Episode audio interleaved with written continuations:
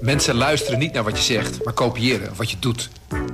Onze vitaliteitsexpert Martin Hersman helpt je te focussen op wat echt belangrijk is. Beluister en bekijk Martin of een van onze andere experts op businesswise.nl. Businesswise, het nieuwe platform voor iedereen met ambitie.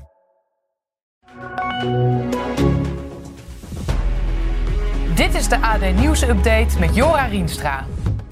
Nu het aantal coronapatiënten in ziekenhuizen weer toeneemt, vragen steeds meer gevaccineerden zich af of niet-gevaccineerden wel recht hebben op een IC-bed. Ziekenhuizen, waaronder het Isala in Zwolle, zien de toestroom van patiënten uit de Bijbelbelt. Wim Groot is hoogleraar gezondheidseconomie aan de Universiteit van Maastricht. Ja, Wim, waarom zouden ziekenhuizen mensen die bewust geen vaccinatie nemen niet mogen weigeren? Nou, omdat uh, uh, mensen die verzekerd zijn recht op zorg hebben. Uh, en zorgverzekeraars hebben een zorgplicht. Dus dat betekent dat ze ervoor moeten zorgen dat er voor hun verzekerde altijd voldoende zorg aanwezig is. En die zorg moeten de ziekenhuizen leveren.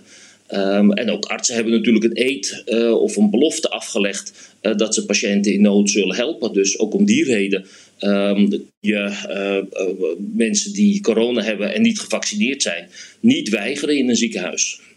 Nee, maar dit betekent natuurlijk wel dat zeg maar, hè, er uitgestelde zorg plaatsvindt op andere operaties. Hoe zit dat dan?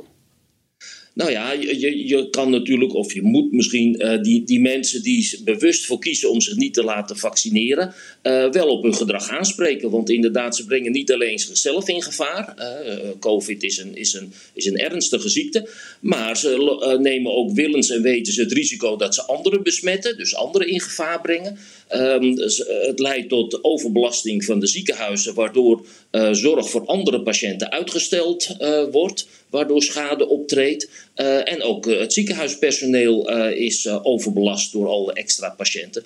Dus ik, ja, de, al die extra schade die, die die mensen veroorzaken, daar mag je ze wel op aanspreken, vind ik. Ja, vorig weekend twitterde een oud wethouder uit Dalfsen dat ongevaccineerden geen IC-bed zouden moeten bezetten. ja, vindt u die uitspraak van de wethouder terecht?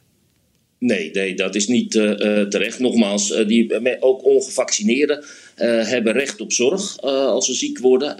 en op dezelfde zorg als, als ieder ander die op een IC-bed opgenomen moet worden.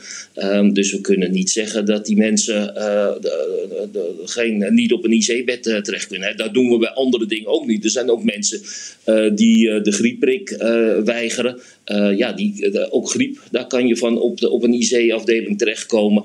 Er zijn ook andere gedragingen waarbij we mensen wel op aanspreken. Uh, bijvoorbeeld mensen die eh, dronken achter het stuur zitten en ongelukken veroorzaken. Ja, die mensen krijgen straf. Uh, maar we, we, zeggen niet tegen die mensen: u, u mag, u, u, mag niet op een uh, terechtkomen omdat u dit willens en wetens gedaan heeft. Ja, toch is er forse kritiek. Ook onder andere vanuit het zorgpersoneel zelf van het ISALA. Die hebben gezegd dat ze echt niet zitten te wachten op patiënten die zich hadden kunnen laten vaccineren. Ja, in hoeverre heeft u begrip voor hun frustratie? Nou, daar heb ik wel veel begrip voor, inderdaad. Want uh, ja, die, uh, zorgpersoneel heeft de afgelopen anderhalf jaar hard moeten werken. Uh, vanwege al die extra patiënten met corona die in het ziekenhuis belanden. Um, ja, als je nu ziet dat er toch mensen zijn die uh, ja, uh, toch uh, daar heel gemakzuchtig omgaan met, met de vaccinatie en, en, en zich niet laten vaccineren, dan toch in het ziekenhuis terechtkomen. Ik kan me die frustratie van zorgpersoneel wel, um, wel voorstellen. Maar ja, dat is iets anders dan te zeggen van we moeten die mensen maar zorg weigeren. Ja, je ziet nu wel dat de discussie tussen pro- en niet-gevaccineerden ja, echt aan het verharden is. Wat is nu uiteindelijk de oplossing? Nou ja, ik denk uiteindelijk is de oplossing dat er toch uh, uh, voldoende mensen gevaccineerd zijn. Uh, of, of corona hebben gehad zodat het virus zich uh, moeilijker kan verspreiden. En dan, dan zal je ook zien dat het aantal besmettingen onder niet-gevaccineerden zal, zal gaan afnemen. en dus ook de druk op de ziekenhuizen. Dus uiteindelijk ja, denk ik um, dat, het, dat we die mensen die niet gevaccineerd zijn, het daarop moeten aanspreken en moeten overhalen om zich wel te laten vaccineren. Om voldoende bescherming in de samenleving te, te realiseren. Nou, hoogleraar Wim Groot, dankjewel voor deze uitleg. Meerdere teams binnen politie en justitie voeren een enorme concurrentiestrijd over de aanpak van de georganiseerde misdaad. Deze diensten werden de afgelopen jaren opgericht, maar werken tot grote ergernis van de politiebond niet goed samen. Jan Struis, voorzitter van de Nederlandse Politiebond.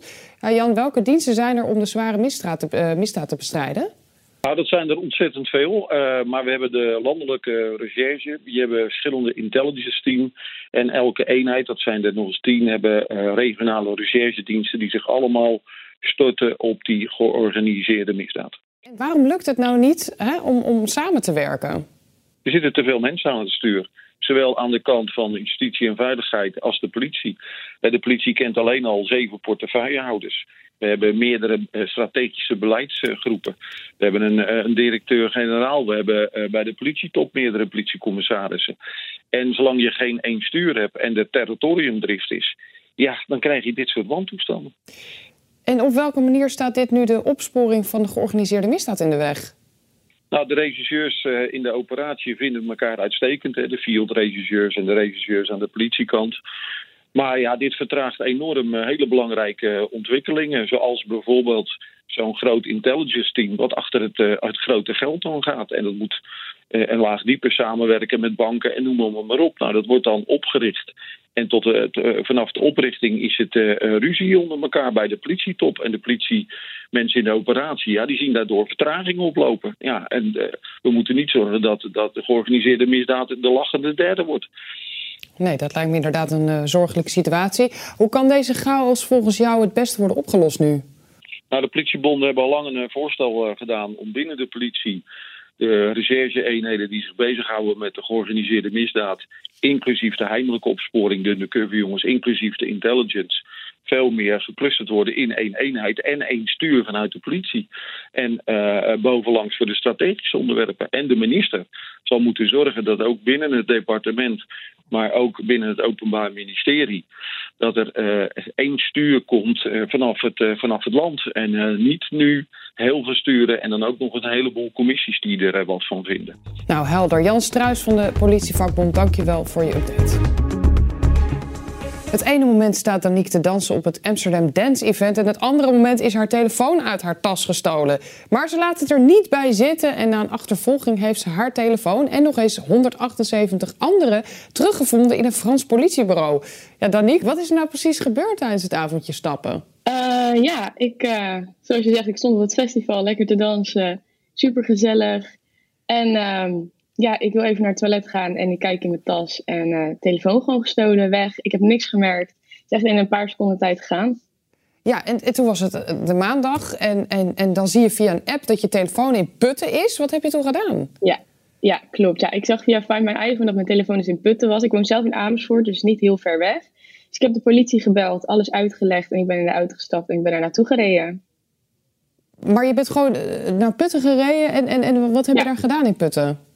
Nou ja, ik kwam daar aan en uh, net toen ik daar aankwam uh, belde de politie mij van, nou ja, ik zie, uh, het was een bungalowpark. Dus ik zie een zwarte auto, een zwarte Citroën wegrijden met een Spaans kenteken. En ik zeg, ja, ik zie hem ook. En de politie zegt, oh, je bent hier nu ook. Ik zeg, ja.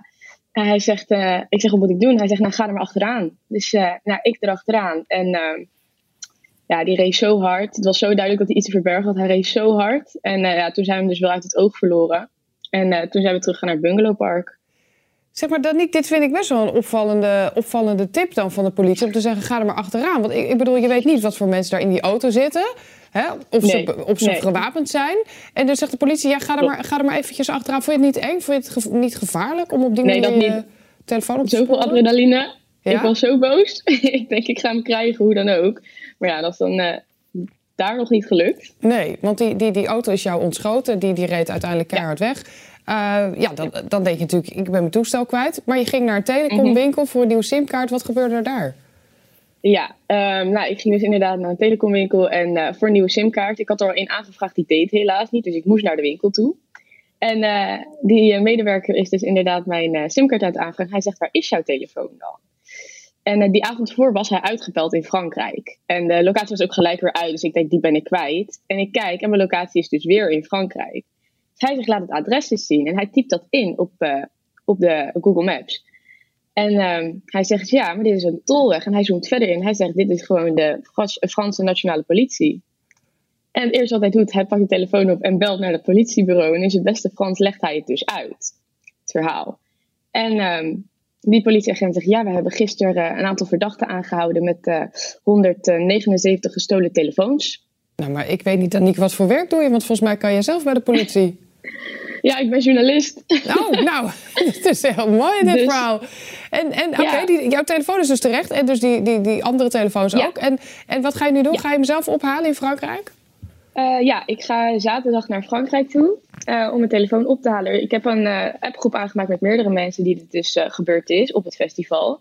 En er is er al eentje die is gisteren geweest en die heeft de telefoon dus teruggekregen met de nodige papieren.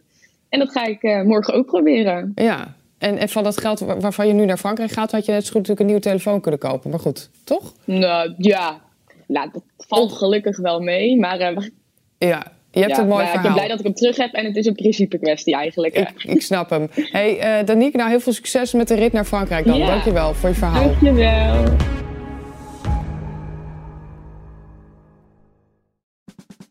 Luister ook naar onze podcast Politiek Dichtbij. In een half uur praten we hierbij over de stand van zaken op het Binnenhof. En niet alleen vanuit de wandelgangen in Den Haag, maar ook vanuit een regionaal perspectief. We zijn te vinden in onze app, op Apple Podcast en op Spotify. En wie zijn wij dan? Wij zijn Leonard Beekman en Tobias den Hartog. Een goede spreker herken je aan de Q&A aan het eind. Onze lifehack-expert Martijn Aslander geeft je adviezen waar je echt wat aan hebt. Beluister en bekijk Martijn of een van onze andere experts op businesswise.nl. Businesswise, het nieuwe platform voor iedereen met ambitie.